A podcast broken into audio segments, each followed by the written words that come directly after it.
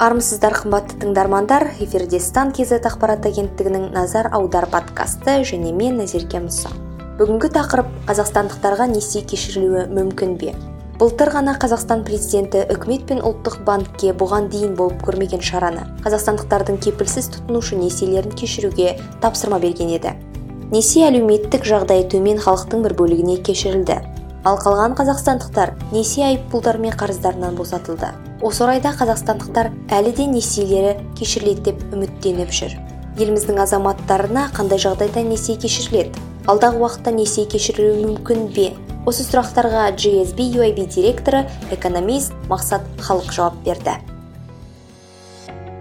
Бірден айту керек несиелік амнистия өткен жылда жасалынған болатын. 300 мың теңгеден әсіресе ол бес категорияға бөлініп қаралды. Оның ішінде әрине бірінші кезекте көпбалалы аналар әлеуметтік осал топтағы азаматтар семьясында мүгедек азаматтар бар деген сияқты. Осындай нақты талаптарды қарап отыра арнайы топ өкілдеріне ғана әлеуметтік осал топтарға ғана үш жүз мың теңгеден несиелік рақымшылық жасалған болатын. Бірақ енді ол кездің өзінде ә, мен сарапшы ретінде пікір айтқанымда бұның өзі бір реттік болса екен деген ойды айтқанмын. Бірақ ә, негізінде сол уақытта белгілі дәрежеде әлеуметтік жағдайдың қатты ушығуына байланысты соңғы уақыттардағы халықтың елдің табысының өспеуі ә, факторлары бар осының барлығын ескере отыра бір реттік болса екен ғана деп ойды айтқан болатын енді осы жылда халықтың тарапынан қатты талап болды. Айтылып жатыр ә, көбірек осы несие кешірілсін әйтпесе жағдайымыз нашар болып жатыр деп. Бірақ менің ойымша жалпы әлемдік тәжірибені өзін қарайтын болсақ та нарықтың заңдарында нарықтың талаптарында несиені кешіріп беру ол дұрыс емес деп табылады. Одан гөрі халықтың қолына балық бергеннен гөрі қармақ берудің жолдарын ойластыру керек. Негізгі экономиканы реттейтін мемлекеттік басқару жүйесі және тиімді түрде эффективті түрде нарыққа қарайтын мемлекет ол бірінші кезекте халықтың жұмыспен қамтамасыз етуге міндетті. Мінекей осы саладағы жұмыстар мемлекет тарапынан жүргізілу қажет. Қазіргі таңда пандемияның салдарынан жұмыссыздық қатты өршіп жатыр. Көптеген компаниялар қазір табыстарынан айырылып локдаунның шектеулі режимдеріне байланысты көбісі банкротқа ұшырап жатқан жағдайы бар. Бұл әрине жұмыссыздықты ұлғайтып жатыр ол әлеуметтік шиеленіске алып келіп соқтырады өйткені көп азаматтардың қазір несиесі бар. Осындай кезде міндетті түрде мемлекет халқын жұмыспен қамтамасыз ететін баламалы жолдарын ұсыну қажет. Бұл енді мемлекетке осындай талап қойған орында. Өйткені сенің табысың болса әйтеуір несиеңді бір күні болмаса бір күні қандай қарызың болса да оны жабасың ғой. Сондықтан да осы өте маңызды. Одан кейін екінші үлкен маңызды дүние мемлекеттің халықтың қолындағы алып отырған нақты жалақысының көлемін арттыру маңызды. Ә, соңғы уақыттарда осы нақты жалақының көлемі артпаған. Қайта керісінше кеміп отырды. Тек қана өткен жылы ғана бес те төрт пайызға ұлғайды бірақ та бізде инфляцияның өзі де сондай болды. Сонда ә, нөл деп айтуға болады. Әлде де артып жатқан жоқ. Халықтың жалақысы ұлғайып жатыр. Белгілі дәрежеде бірақ оны инфляция азық түліктің бағасының қымбаттауы біздің тұрмыс тіршілігімізге қажетті тауарлардың бағасының өсімі жойып жіберіп жатыр демек ә, мемлекет тарапынан халықтың жалақысын арттыру осы баға өсімінен де жоғарырақ болу керек. Сол кезде халық белгілі дәрежеде азық түлікке де ақша жұмсай алады және белгілі дәрежеде қарыздарынан есептесуге мүмкіндігі пайда болады. Осы өте өте маңызды дүние екенін атап өткім келеді. Одан кейін тағы бір үлкен мәселе бар. Халық жағындағы азаматпын негізінде. Үлкен мәселе ол жалпы біздегі қаржылық жүйе банктік жүйелерде және соның ішінде шағын және осы шағын несиелік ұйымдар бар ломбардтар бар түрлі. Солардың қызметтеріне байланысты атап өткім келеді. Шын айтқанда соңғы жылдарда өткен осы 2017-18 сол жылдарда өте қатты дәрежеде халықты несиеге қарыз қарыздың шырмауына ұластыру процесі өте қатты қарқынды жүрді. Оның ішінде мысалға онлайн несиелер рәсімдеу жаңағы жалақыға дейін тез арада несие ал деген сияқты түрлі жарнамалармен азаматтарды біраз қарызға тақап қойды. Және де ол жердегі келісім шарттағы көрінбейтін жазулармен жазылған немесе кішкентай жазулармен түсініксіз қылып жазылған мәліметтерге егер қарайтын болсақ көбінесе азаматтарды қанауға бағытталады. Және де азаматтар 100 мың теңге алған болса бір жылдың ішінде ол миллион теңгеге дейін өсіп кеткен жағдайлар бар. Сонда алған қаражатын 8-9 есе артық қайтару деген ол енді сұмдық қой. Сондықтан осындай процесстер біздің халқымыздың арасында наразылықтың күшеюіне ықпалын тигізіп отыр. Соңғы уақыттарда мемлекет тарапынан жасалынған нақты қадамдар ретінде ұлттық банктің тарапынан жасалған нақты қадамдар ретінде атап өткім келеді. Осы шағын несиелік ұйымдардың жұмысын біраз реттеу заңдық тұрғыда реттеу жүзеге асты. Нақты егер қарайтын болсақ бұл бірінші кезекте ә, пайыздық мөлшерлемелерін түсірді. Бұрында нақты бір шегі болмайтын олар 700 пайызға дейін 800-900 пайызға дейін жылына өсіріп жібере алды ал енді өткен жылы 100 пайызға дейін ғана бұл өсіруге рұқсат береді деген заң шықты. Сол уақытта ең қызығы депутаттардың арасынан белгілі бір лобби топтар шығып ә, неге оны 100 пайыз жасайды? Олар да кәсіпкерлік субъектілер мемлекетке салық төлеп отыр ә, олай істейтін болса олар табысынан айырылады деп сөйлеген адамдар болды.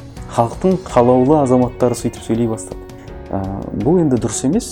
Яғни демек солардың өзі сол азаматтардың табыс тауып отырған сөйтіп халықты алдап табыс тауып отырған азаматтардың ә, артында тұр деген сөз. Немесе олар оны қаржыландырып оның бір үлесін алып отырған жағдайлар бар шығар. Сондықтан осы жерде атап өткім келеді дұрыс шешім қабылданды. Өткен жылы жүз пайызға дейін болса осы жылдан бастап осы жылдың жаздың орта шенінен бастап заң бойынша оларды банктердің жаңағы тиімді пайыздық мөлшерлемесімен бірдей қылып қойды елу алты пайыздан аспасын деген бұл әрине өз ретінде көптеген шағын несиелік ұйымдардың жабылуына септігін тигізіп жатыр өйткені көбісі елу алты пайыз өте аз. Өйткені біз бір айға ғана береміз. Банктер сияқты бір жылға бермейміз ондай қарыз деген сияқты өздерінің уәждері бар.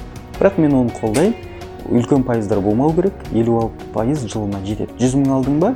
Егер төлемей жүрсең уақытынан шектіріп кетсе бір жылда ол тек қана жүз елу алты мың теңге ғана болуы мүмкін. Яғни елу алты мың теңге ғана өсуі мүмкін. Болды одан артық емес. Егер де одан артық өсіп кетіп жатса онда кез келген азамат оны заңдық тұрғыда сотқа беріп өзінің артық төлеген қаражатын қайтарып алуына құқығы бар.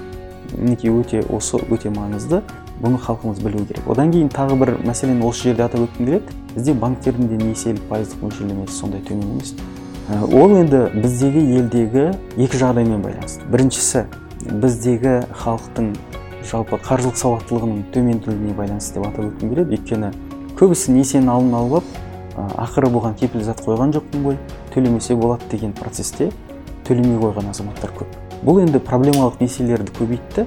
Мәселелік несиелер біраз банктерімізді негізі жұтып та қойды. Біраз банктеріміздің үлкен ірі банктер соның ішінде бта банк банк кезіндегі банкрот болып кетуінің негізгі себебі төленбей қалған несиелердің артып кетуінен сондықтан да біздегі банктер олардан кеткен несиесін сауатты төлеп жүрген азаматтардан алуды жөн көреді да пайызды ұлғайтып қояды мынадан қайтпаса үш адамның біреусі қайтармай қойса қалған екі адам сауатты төлеп жүр оларға пайызын жоғарырақ қойсақ онда біз шығынға батпаймыз деген мақсатта әрекет жасайды пайыздың үлкен болуының бір себебі осы.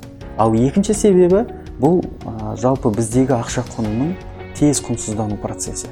Теңгеміз ә, шетелдік валютаға соның ішінде долларға қатысты да жылда қатты құнсыздана береді. Бұл процесте белгілі дәрежеде тәуекелге бармас үшін біздің банктер тағы да пайызды кішкене жоғарырақ қоятын сол. Яғни ақша тез құнсызданып жатыр біз көбірек табыс табуымыз керекпіз инфляция біздің табысымызды да жеп қоймас үшін біз пайызды көтереміз. Екі фактор. Сондықтан да енді мен бұл жерде ойлаймын ұлттық банк базалық пайыздық мөлшерлемені өткен жылдарда төмендетуіне мүмкіндігі болды. Бірақ ә, неге екенін төмендеткен жоқ. Өйткені меніңше сол әрекетімен бір кері әсерін тигізді. Өйткені бізде көптеген ә, банктер бизнеске қаржы салудан көрі оп оңай жаңағы тәуекелге бармай ақ ұлттық банктың репо сияқты операциялары бар. Сол жақта ақшаны ұстап сол жақта айналдырып табыс көрген жөн көреді сондықтан да осы базалық пайыздың мөлшерімен түсіретін болса онда ақшаның құны да бізде төмендейді кішкене белгілі және де пайыздар түседі. Екінші деңгейлі банктердің пайыздары да кейін түсе бастайды. Жаңа базалық пайыз дегеніміз ол ұлттық банктің екінші деңгейлі банктерге беретіндегі қоятын үстемесі сонда теңгені ә, кез келген банк теңгеге зәру болып тұрғанда ұлттық банктен сұраған кезде ол тоғыз пайызбен береді. Ал тоғыз пайызбен алып тұрған банк оны ешқашан да бір аз қылып тоғыз пайыздан төмен қылып несиені бермейді ешқашан. Ол өзінің оны міндетті түрде үш еселейді негізінде. Сонда жаңағы көп жерде біз келісімшартта көріп отыратын жиырма екі пайыз жиырма бір пайыз деген процессті біз көретініміз сол. Ал ол ең жақсы әйтпесе кейбір жерлерде ол жиырма жеті пайыздан басталады да ары қарай елу алты пайызға дейін кете береді сондықтан да банктердің несиені жоғары қоюы да бұл үлкен проблема. Мен ойлаймын енді екінші мынау шағын несиелік ұйымдардың бәрінің пайызын елу алты пайызға дейін түсірсе онда уақыт келіп жетті.